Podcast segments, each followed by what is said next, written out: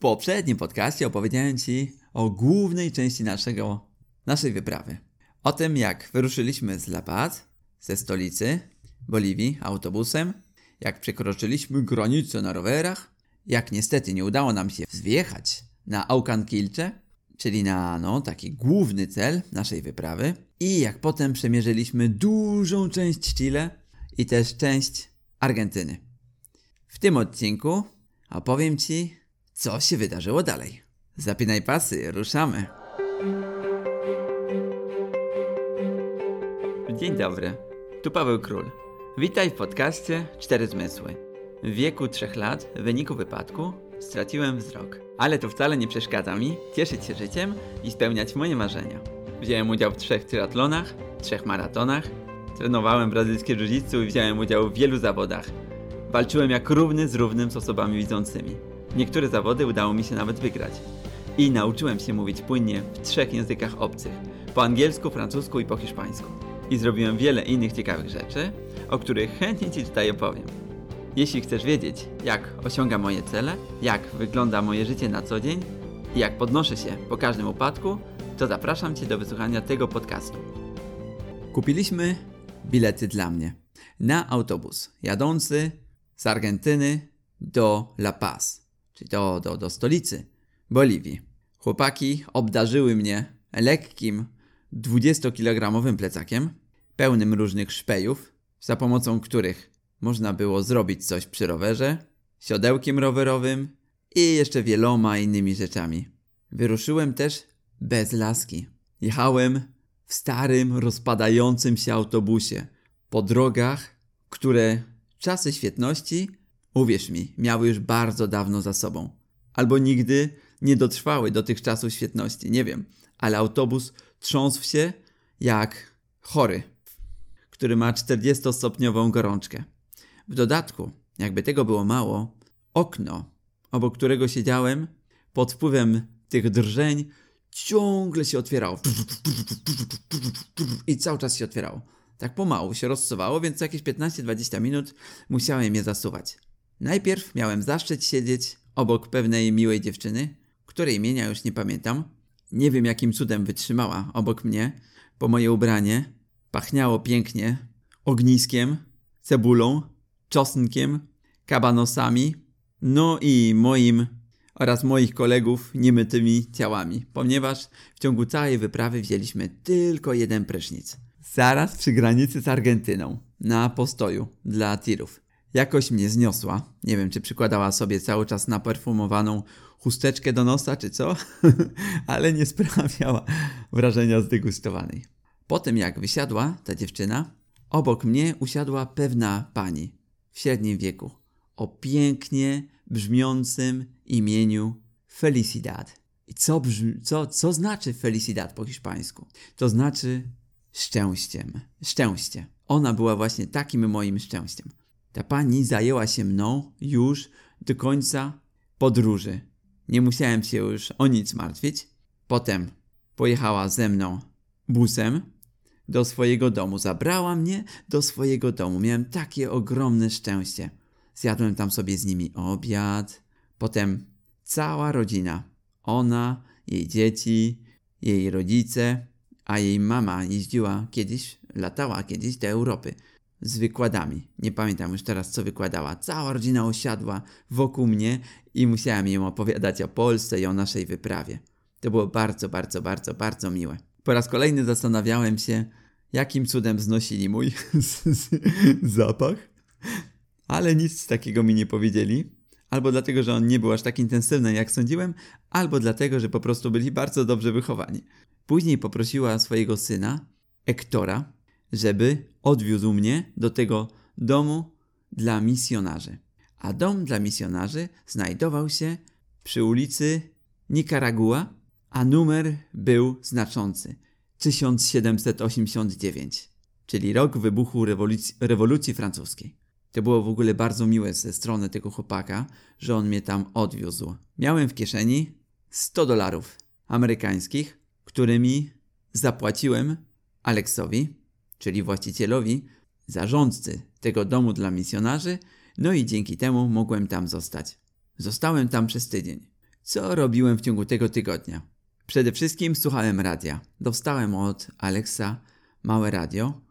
Wtedy polubiłem pewne boliwijskie radio, którego potem słuchałem jeszcze przez parę lat. Przyszedł też do mnie Ektor i pewnego dnia poszliśmy do biblioteki w La Paz i tam pożyczyłem sobie dwie książki w Braille'u, więc dni upływały mi na słuchaniu radia, na czytaniu książek i na rozmawianiu z Aleksem i z jego rodziną. W końcu, a trwało to ponad tydzień, wróciły chłopaki. Gdzie oni byli w czasie, gdy ja borsukowałem w mojej małej norce, słuchając radia i, i czytając książki? Bo już wiesz poprzedniego podcastu, że chłopaki mówiły na mnie borsuk. Oni byli wtedy na Salarze. Salar to jest takie miejsce w Boliwii, gdzie sól, warstwa soli ma kilka, nie pamiętam, ale myślę, że przynajmniej kilkadziesiąt centymetrów. I ta sól jest tak po prostu na wierzchu. Wygląda to, oni to przejechali całe rowerem, ponad 200 kilometrów. I wygląda to bardzo spektakularnie. Dlatego, że jak, to jak na to patrzysz, to, to nie wygląda jak sól, ale wygląda jak śnieg. I na zdjęciach to potem właśnie wyglądało jak śnieg, tak jak gdyby jechali po śniegu, a oni jechali po soli. No dobrze, to była taka malutka dygresja, żeby opowiedzieć, co zrobił chłopaki w czasie, kiedy ja byczyłem się. No więc pewnego ranka wróciły chłopaki. I niespodzianka, nie mogły wejść do domu dla misjonarzy. Nie wiem dlaczego, czy zarządca się na nich tak oburzył, że mnie puścili samego, czy co, nie wiem, ale w każdym razie nie chcieli im otworzyć bramy. W końcu pani Maksima, czyli ta gospodyni, o której wspomniałem w pierwszym e, podcaście, w którym opowiadał o naszej wyprawie, w końcu zlitowała się nad nimi i otworzyła im bramy. A ja nie wiedziałem, że oni tam byli, no bo nie słyszałem. Cały czas wtedy byłem w pokoju. Otworzyła im bramy, mogli wejść. Alex kazał im się spakować jak najszybciej. A więc spakowaliśmy się jak najszybciej, wzięliśmy taksówkę i pojechaliśmy na lotnisko. Ale został nam jeszcze ponad tydzień, a nie mieliśmy już dużo pieniędzy. I gdzie mogliśmy zamieszkać? Hotel byłby za drogi. Czy oglądałeś kiedyś terminal z Tomem Hanksem? Jeśli tak, to już zgadłeś, gdzie mieszkaliśmy. Mieszkaliśmy na lotnisku w La Paz. Ostatni tydzień spędziliśmy na lotnisku. Oczywiście nie czekaliśmy tam biernie na nasz samolot. Ponieważ mieliśmy jeszcze tydzień, postanowiliśmy, że będziemy czerpać pełnymi garściami z naszej wyprawy. Więc wynajęliśmy przewodników i pewnego dnia pojechaliśmy na górę znajdującą się w pobliżu La Paz o nazwie Huayna Potosi, to znaczy w języku Indian zamieszkujących tamte tereny, to znaczy młody szczyt. I pojechaliśmy na Huayna Potosi. To jest szczyt w Andach oddalony o kilkadziesiąt kilometrów od La Paz. Ma jakieś 5800 metrów ponad poziomem morza. Z tego co pamiętam. Dostaliśmy tam cały ekwipunek. Mój przewodnik był bardzo miły i miał na imię Konstancjo. Był Indianinem. W ogóle bardzo duża część mieszkańców La Paz to Indianie. Oni są niscy. Niscy, szerocy w barach i w klacie. I są ciemni. Wszyscy mają ciemną karnację i ciemne włosy. Średnia wzrostu nie przekracza tam metra sześćdziesięciu wśród mężczyzn. No i Konstancjo też był taki niewysoki. Ale kondycję to on miał. Zaczęliśmy się wspinać. Na początku było w miarę łatwo, chociaż były takie skały, na które trzeba było się wspiąć, nieraz na wysokość człowieka nawet, więc nie, nie wszędzie było, było łatwo. Wspinaliśmy się przez większą część dnia, a potem rozbiliśmy obozowisko na, nie pamiętam, jakieś 400 metrów, może więcej, przed szczytem i mieliśmy zdobyć szczyt następnego dnia. Wyruszyliśmy raźno, potem zaczął się śnieg. Było dużo śniegu i tam właśnie przypięliśmy sobie do butów raki, czyli takie metalowe podkładki z kolcami, po to, żeby te kolce wbijały się w śnieg, no i żebyśmy nie mogli się pośliznąć. W dodatku jeszcze byliśmy wszyscy spięci linami, tak że gdyby któryś z nas się przewrócił, cała reszta asekurowałaby go. Przewodnicy mieli też czekany, po to, żeby móc wbić je śnieg i dzięki temu jeszcze bezpiecznie się wspinać. Niestety kolana bolały mi tak bardzo, gdy się wspinałem, że na około 200 metrów przed szczytem jednak nie wyszliśmy. Chłopaki poszły dalej, a my z Konstancjo wróciliśmy na dół. Pamiętam, że słońce było takie intensywne, że pomimo tego, że była zima, opaliłem wszystkie nieosłonięte części ciała. Ni niestety, przez mój ból kolan zostałem pozbawiony pięknego widoku samego szczytu góry, ale i tak to była niesamowita przygoda. Wspinać się tak po tych skałach, potem wspinać się po śniegu po raz pierwszy w życiu, w rakach. Niesamowite wrażenie. Wraz z Konstancją zeszliśmy na dół, no i tam zaczekali, zaczekaliśmy na chłopaków. Wróciliśmy sobie na lotnisko, no i tam spokojnie zaczekaliśmy na powrót do domu. Ale zanim wróciliśmy, wydarzyło się jeszcze kilka różnych ciekawych rzeczy. Poopowiadam wam o miejscowych zwyczajach. Po pierwsze, w La Paz, ja już wspomniałem o tym, że mają bardzo dobre pieczywo, ale nie wspomniałem o tym, że mają bardzo dobre domowe bułki z różnego rodzaju warzywami i mięsem. I w południe, kiedy mają siestę, mają przerwę, wszyscy wychodzą i kupują sobie te bułki. Też tak e, zrobiliśmy. Są po prostu genialne. Chciałbym jeszcze kiedyś spróbować tych, tych bułek. Po drugie, w Boliwii można kupić legalnie liście koki. To jest taka roślinka, z której robi się potem kokainę. Ale tam to jest legalne. Sam narkotyk, kokaina nie jest legalny. Ale roślinka, tak, można sobie kupić na, na targach, na straganach całe takie duże reklamówki. Znaczy duże reklamówki, nie takie na zakupy, no ale takie, takie mniejsze woreczki wypełnione liśćmi koki i do tego dostaje się taki kamyczek słodko-kwaśny. Gryzie się kawałek tego kamyczka, wkłada się liście koki i potem się to żuje. Jak się czujesz po... Jak się czujesz w czasie rzucia takich liści? Po pierwsze, drętwieje ci pomalutku cała buzia, bo w ogóle kokaina była pierwszym lekiem, lekiem znieczulającym działającym miejscowo, więc drętwieje ci cała buzia. Po drugie, kilka minut po tym, jak zaczniesz rzucić tę kokę, zaczynasz mieć więcej energii. Robisz się radośniejszy. Tak jak to mówił Szymon pewnego razu, kiedy był bardzo zmęczony i jechał autobusem na jedną z wycieczek, o której tutaj już nie będę opowiadał.